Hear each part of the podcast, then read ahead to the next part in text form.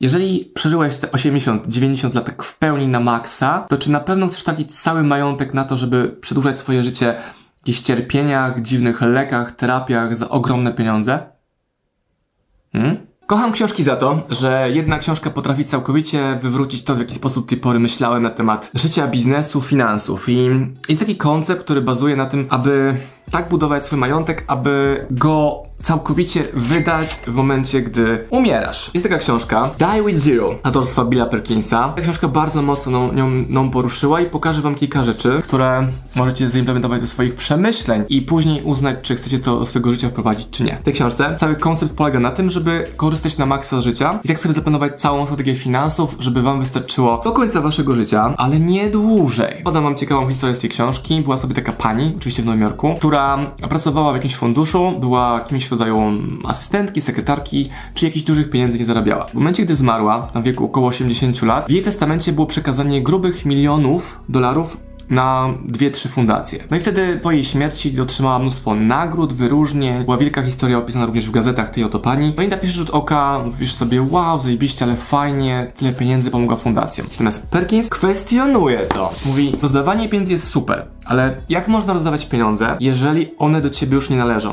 Znaczy w momencie, gdy umieram, jak sobie to wyobrażam, no to te pieniądze nie są już moje. To ktoś je oddaje, czyli ja ich nie oddaję w momencie, gdy ich potrzebuję, tylko oddaję wtedy, gdy ich w ogóle nie potrzebuję. Jak też, że taka pani potrafiła przez tyle lat zakumulować zakumulować taką wielką fortunę. Żyła mega ubogo na mieszkaniu jakimś socjalnym, wyjeżdżała do pracy metrem, znaczy nie, żeby coś było złego w jeździe do pracy metrem, ale żyła na skrajnym, na skrajnym ubóstwie. Zainwestowała te pieniądze z pomocą swojego szefa na jakieś 4% i to dało jej tą kumulację, procent składany, natomiast nie była w stanie tym majątkiem cieszyć się w żaden sposób podczas swojego życia.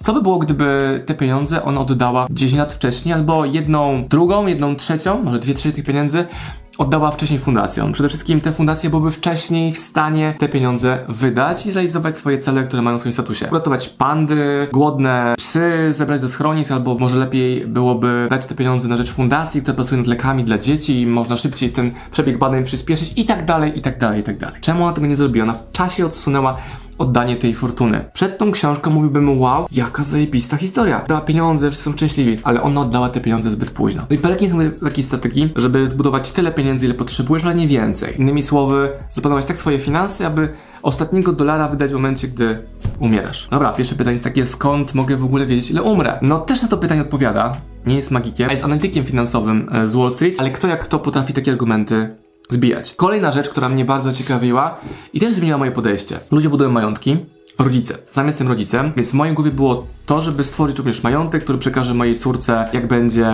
już dojrzała. Czym ta dojrzałość jest? W mojej głowie było wyobrażenie, że te pieniądze otrzyma około 35-40 roku jej życia. Czyli gdy będzie już dojrzała, pewnie założy rodzinę i tak dalej. A znowu Perkins kwestionuje to, a czemu tych pieniędzy nie dać jej wcześniej? Czyli gdy osiągnie 18-19 lat, albo częściowo transzami te pieniądze oddawać, jeśli i tak mam ochotę jej przekazać te pieniądze mojej córce, czy twojemu synowi i tak dalej, żeby oni byli wcześniej w stanie z tych pieniędzy korzystać w ogóle. Czyli wtedy, gdy są w pełni swoich sił witalnych, mają energię, żeby sobie podróżować po całym świecie przez 3 lata, nie martwiąc się w ogóle o pieniądze, oni i tak będą musieli zderzyć się z tym, że pieniądze są potrzebne i trzeba nauczyć się zarabiać, ale nie będą w stanie na maksa skorzystać z tego, co im dawałyby wcześniej pieniądze. Czyli mając ekstra 50 tysięcy złotych, możesz przez cały rok, jeśli nie dłużej, mając 18, 19, 25 lat podróżować, mieszkać w tanich hostelach, ale zbierać doświadczenia. Ja też wydając pieniądze, szukam zwrotu z tej inwestycji, ale czasami nie ma zwrotu z inwestycji na prywatny wydatek, natomiast jest zwrot w postaci doświadczeń, przeżytych rzeczy. Czyli to, że my z Kamilą tak dużo podróżowaliśmy wcześniej, jako backpackersi, później już lepiej,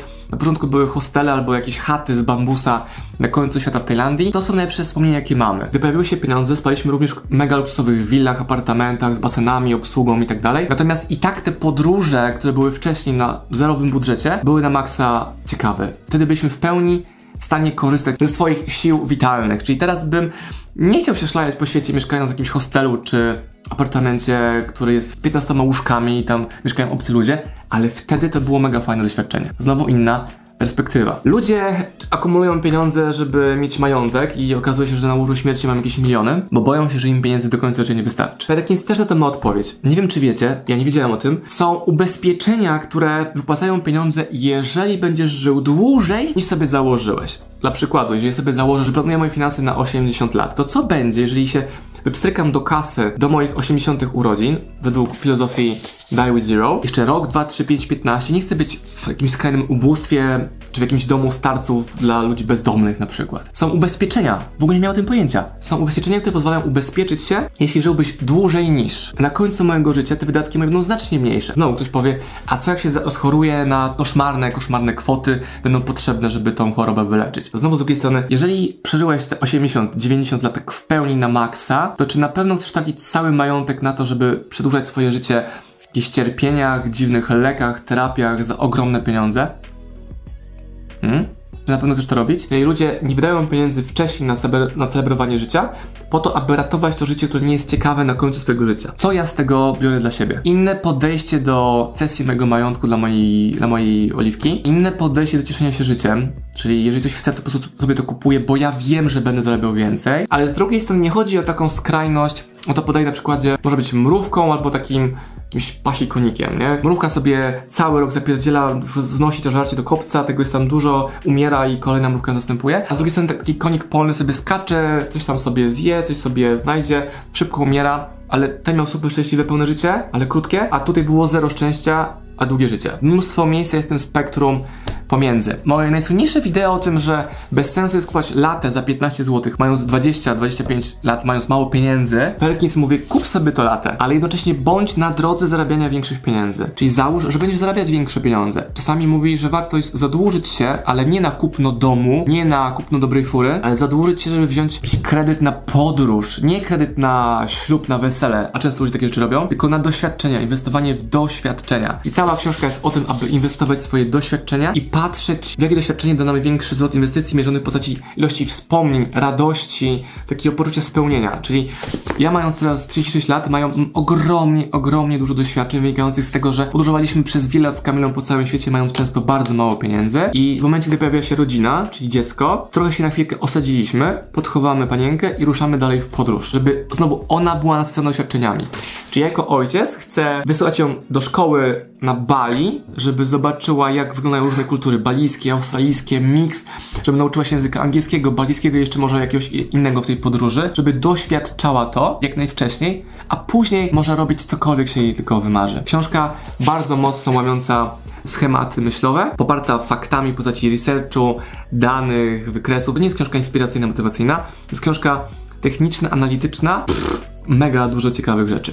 Zapytacie pewnie, czy ją będziemy wydawali w Polsce. Nie wiem jeszcze, bo wyzwanie jakie mam to to, że wydajemy książki. Ta książka nie jest książką lekką i takie książki się słabiej od razu sprzedają, czyli wy je wolniej kupujecie albo mniej ich kupujecie. Zostaje też takim wyzwaniem, czy to robić, czy nie robić. Dalej tego konceptu chcę wrócić. Co by było, gdybym miał tysiąc klientów, którzy kupują książkę tu i teraz przez sprzedaży? Gwarantowałoby to to, że bez wahania bym takie książki sprzedawał, ale takiej grupy jeszcze nie mam. Znaczy mam więcej klientów niż tysiąc, a nie mam grupy, która jednego dnia kupuje tysiąc książek przez sprzedaży. Może pomożesz mi w tym celu ty, aby pracować tak, abyśmy byli w takiej relacji, że pokazuję tę książkę, pytam, czy chcesz, płacasz jej pieniądze, a ona za 3-4 miesiące jest w twojej skrzynce pocztowej albo ci ją kurier puk, wnosi do domu. Die with Zero. Bill Perkins. Polecam.